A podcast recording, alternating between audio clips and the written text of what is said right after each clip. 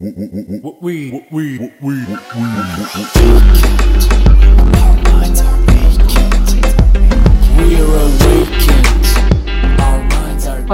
ja sam Martina Đokić, a vi slušate podcast Mentalni nudista. Nalazimo se u epizodi broj 7 sezone 2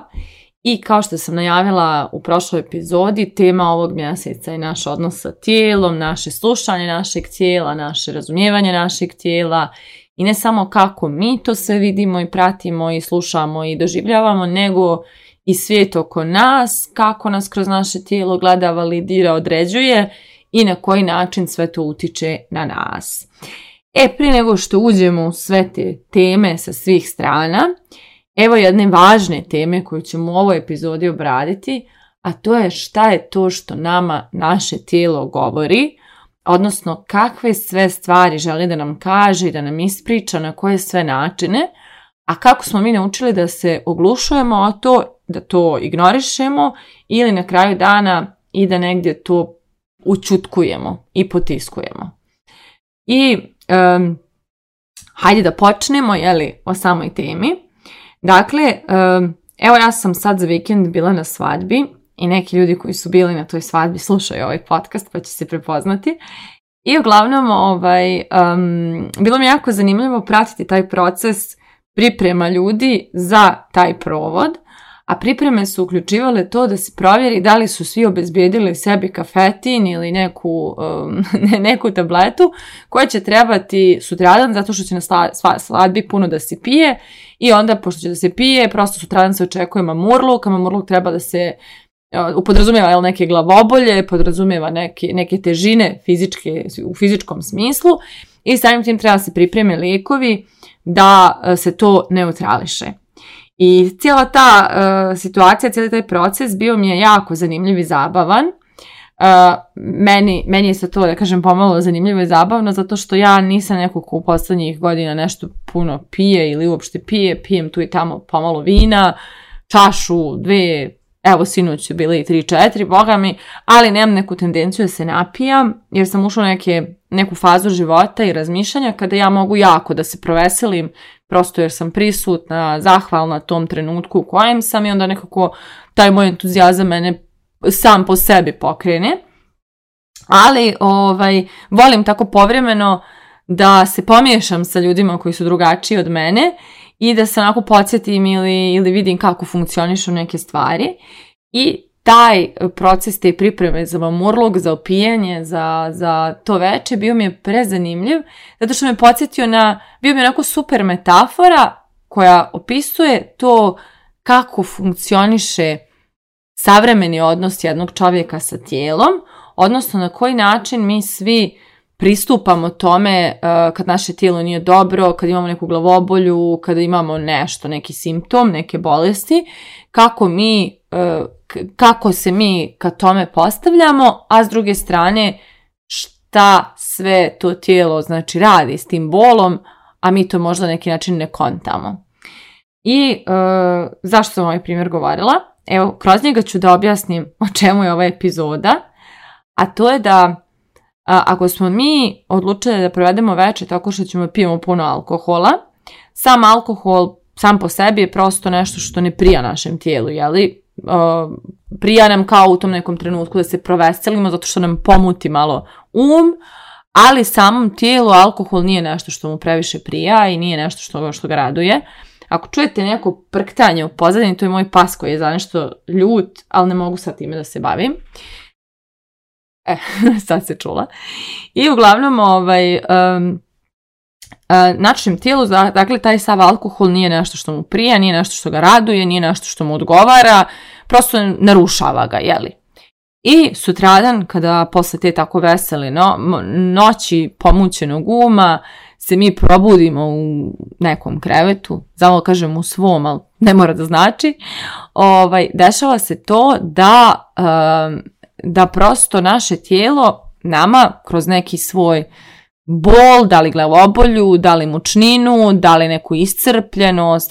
zdražljivost, nešto, počne da komunicira da se ne osjeća dobro, odnosno pokušava da nam objasni da ga nismo dobro tretirali, da mu nismo pružili tretman koji, koji njemu odgovara i prosto to stanje našeg tijela, ti signali koje nama naše tijelo šalje, sup način da nama tijelo kaže je samo da znaš, sinoć smo prešli svoje granice dobrog i uradili, ponašali smo se prema sebi na način koji nam evo dugoročno gledano nije, dobro, nije dobar za nas. Znači, ok, ja smo se s jedne strane proveselili, ali došli smo do tog veselja na način koji nama nije dobar za nas. Kad kažem za nas, mislim kao naše tijelo govori nama, našem umu i osjećanjima. I samim tim, znači, način da, da postignemo tu neku radost podrazumijevao je da se plati neka cijena jer smo prosto nekim stimulansima koji nisu baš uh, najzdraviji mi sebe doveli u to veselje, a onda kad su ti stimulansi uh, prestali, tijelo je reklo, e, samo da znaš, tvoje, je odluka da koristiš to je mene narušila i prosto uticala na mene na način da se osjećam loše zato što nisam tretirana na pravi način. I onda e,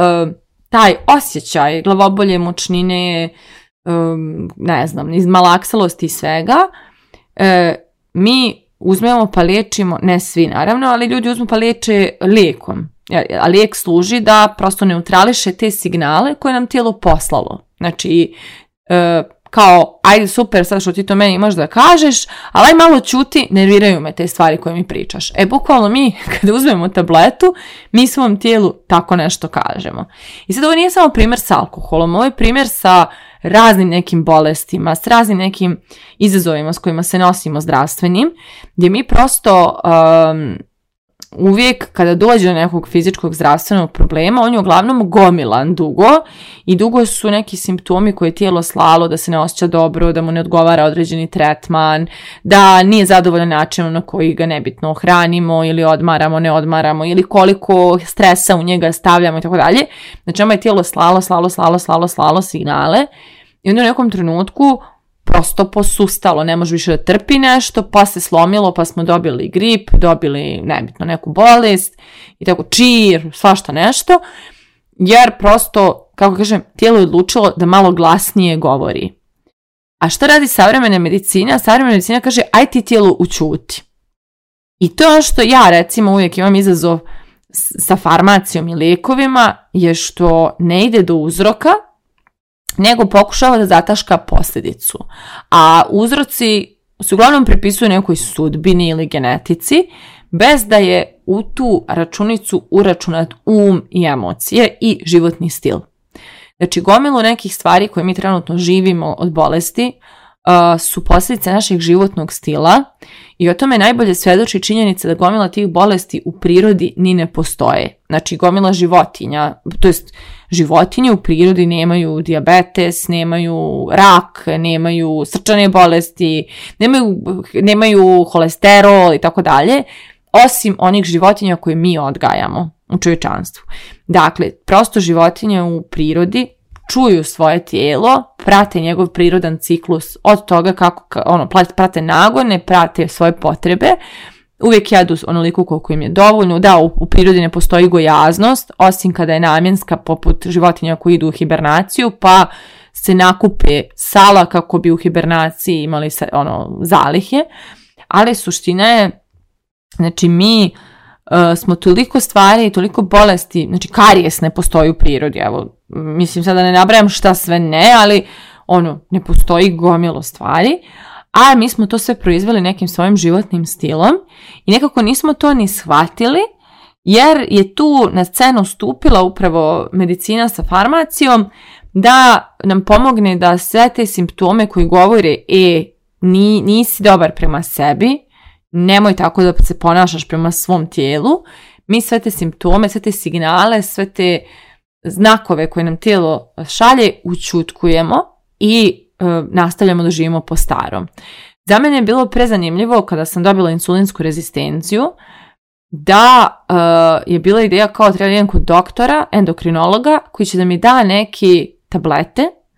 kojima ću ja kao da pokušam da regulišem tu svoju insulinsku rezistenciju. Ljudi moji, kako nastaje insulinska rezistencija? Kao je pričamo o tome. Nastaje lošom ishranom, lošim spavanjem, neizbalansiranim stresom. Znači prosto to je toliko već sad prosto ko Znači, tvoji hormoni podivljaju zato što ih, zato što prolaziš kroz stresove koje, koje ne regulišiš, ne procesuiraš, živimo život, jedemo hranu koja nam ne odgovara, to opet stresira tijelo i tako dalje, ne krećemo se dovoljno, svi sjedimo i buljimo za kompjuter i tako dalje i da na, tijelo kaže stvarno ne sviđa mi se ovaj stil života, nije, nije dobar za nas, nije dobar za mene, ajde molim te promijeni nešto i ti ne čuješ, ne čuješ, na tijelo počne glasnije da priča, dobro evo ako, te sad, ako se sad razboli malo više, možda ćeš ti malo više se potrudiš da ja budem dobro. A mi umjesto toga kažemo, doktore, daj mi neku tabletu da se ja, da ja pokušam da učutkam sve ovo što mi tijelo priča, a ja odo da nastavim isto kako sam živjela do sada. Odo isto jednako da se, da se loše hranim, loše spavam, da ne znam, ne regulišem svoj stres i tu i tu pijem tablete i ja se liječim. E tu je ono majka svih zajeba što bi se reklo, što je medicina negdje pre mnogo godina malo skrenula u nekom smjeru koji je prilično on neobičan, a, jer Sokrat, prvi doktor na ovom svijetu, je rekao, na primjer, nek ti, nek ti hrana bude lijek i nek ti lijek bude hrana. Znači čovjek je toliko pojednostavio sve, a mi smo uspjeli da kažemo nek ti lijek bude hemija, a, hranu jedi kakvu hoćeš i tako dalje. I onda prosto... E, Zbog takvog pristupa liječenju, da, još jedna stvar, naše zdravlje je nekako odvojeno od nas. Znači ono je dato nekom tamo čovjeku u bijelom mantilu koji nama treba da kaže što ćemo mi da radimo sa svojim zdravljem. A mi smo valjda ti koji možemo da čujemo šta nama naše tijelo priča i šta pokušava da nam kaže i kako smo mi uopšte doveli tijelo do tog stanja da se sad, da sad negoduje i da se buni. I meni je to bilo ovaj, prezanimljivo kada sam počela da tako razvijam te perspektive. Ja sam većinu svojih simptoma i signala koje mi tijelo šalje, počela da liječim time što sam se reflektovala. Da vidim gdje sam ja to šta potisnula, nisam proživjela, gdje sam sebe zapostavila, zanemarila, gdje sam bila loša prema svom tijelu ili sebi, koje navike sam sprovodila koje nisu bile dobre i poštujuće prema mom tijelu i kada tu nađem šta se zbiva, ja malo zapnem da tu nešto uradim i uglavnom bolesti nestanu. I to je znači cijela poenta. Svaka bolest, bol, nelagoda u našem tijelu je samo pokušaj našeg tijela da nam nešto kaže. Da nam kaže i e, ne poštuješ mene i sebe dovoljno i e, nisi dobar prema sebi i meni i e, ne osjećam se dobro sa ovim što kako živimo ili kako se ponašamo ili Mm, ovo okruženje u kojem smo budi nam previše, budi previše stresa, nije mi dobro. Znači, tijelo nam priča gdje su naše granice. Praktično nam govori ej, kršimo svoje granice, hajde da nešto promijenimo. I tijelo jeste naša fizička granica sa ostatkom svijeta, a mi kada ne poštujemo te granice, prosto e, nastaje pobuna, nastaje kako kažem, i u auto da sipamo pogrešno gorivo i vozimo ga tako što nabadamo svaku rupu i ono bi se pobunilo, a kamo li tijelo koje, koje ono ima puno veće odgovornosti koje vozi 24-7 i puno kompleksnije funkcije obavlja. Tako da, a, da se vratim na, on, na onaj primjer mojih predragih prijatelja ovaj, sa početka ove epizode, znači a, moja metoda rješavanja mamurluka je da nahranim tijelo nečim lijepim, pošto sam dan prije bila loša prema njemu na neki način, ali stavila sam u njega nešto što prosto nalila sam se nečim što tijelo ne prija. Hajde sutradan da pijem cijeđeni sok, jedem voće, spremim lijep obrok, prosto da uradim nešto dobro za svoje tijelo kako bih podstakla njegov oporavak ako sam već izabrala da za svoje veselje platim cijenu time što ću svojem tijelu da na neki način malo naštetim. I to je ono što eh, je važno da razumijemo. Nije način, ne, treba učutkavati simptome i signale koje nam tijelo šalje, nego uvažiti i odgovoriti na njih na način da kažemo svom tijelu e, da, da, u pravu si, ne znam, nisam postupala dobro, nisam se pazila, nisam ono, nisam ono, ali ti si mi važno i evo ja ću sada da budem bolja prema tebi. I to je filozofija koju ja pratim, mislim, nekad vrlo, vrlo vjerno, nekad ne baš toliko vjerno, ali to je nešto što je onako mm, logika koja meni služi i samim tim kada, kada posmatramo tako svoja stanje i svoje bolesti i sve što nam tijelo priča, mi onda prestajemo budemo žrtve bolesti, prestajemo da se osjećamo kao da je nas nešto umlatilo, eto jer nas ne voli neka sudbina i počnemo puno više da se osjećamo kao vlasnici procesa ozdravljenja jer shvatamo da je i ta bolest i to što se dešava samo neka komunikacija nas sa nama. Odnosno, to je samo pokušaj jednog dijela nas da objasni ostatku sistema da želi bolji tretman, više ljubavi, pažnje, brige i poštovanja i kada mu to damo, bit će sve bolje. Tako da, eto, to je, eh, da kažem, cijela poenta ove epizode. Tijelo nam konstantno govori, a mi ga konstantno učutkujemo. ukoliko posežemo za tim nekim metodama E, brzih rješenja. Ono, daj da ono, samo nešto na brzinu riješim. I to se odnosi na mentalne bolesti. Znači, mentalne bolesti su komunikacija našeg nesvjesnog uma sa nama. Ja kao neko koji pati od depresije i anksioznosti, te kako mogu to da tvrdim, mene je zapravo iscijelilo i vratilo mi moju moć i, i osjećaj, e, osjećaj da ja mogu da prevaziđem to, onaj trenutak kada sam shvatila zašto mi se to desilo. Znači šta je došlo, šta su te bolesti došle da mi kažu o meni, gdje sam ja tu bila loša prema sebi, pa, pa je toliki mrak mene poklopio. I šta se dešava, ljudi se mentalno razbole, zbog niza obrazaca, ponašanja, uvjerenja, samokritičnosti, e, toksičnih razmišljanja o sebi i tako dalje, nepoštovanja svojih granica. Znači ljudi dođu do toga da se mentalno razbole, a onda odu kod nekog i on, kaže, on mu kaže evo ti ova tableta da budeš bolji. I čovjek se anestezira praktično, psihički i emotivno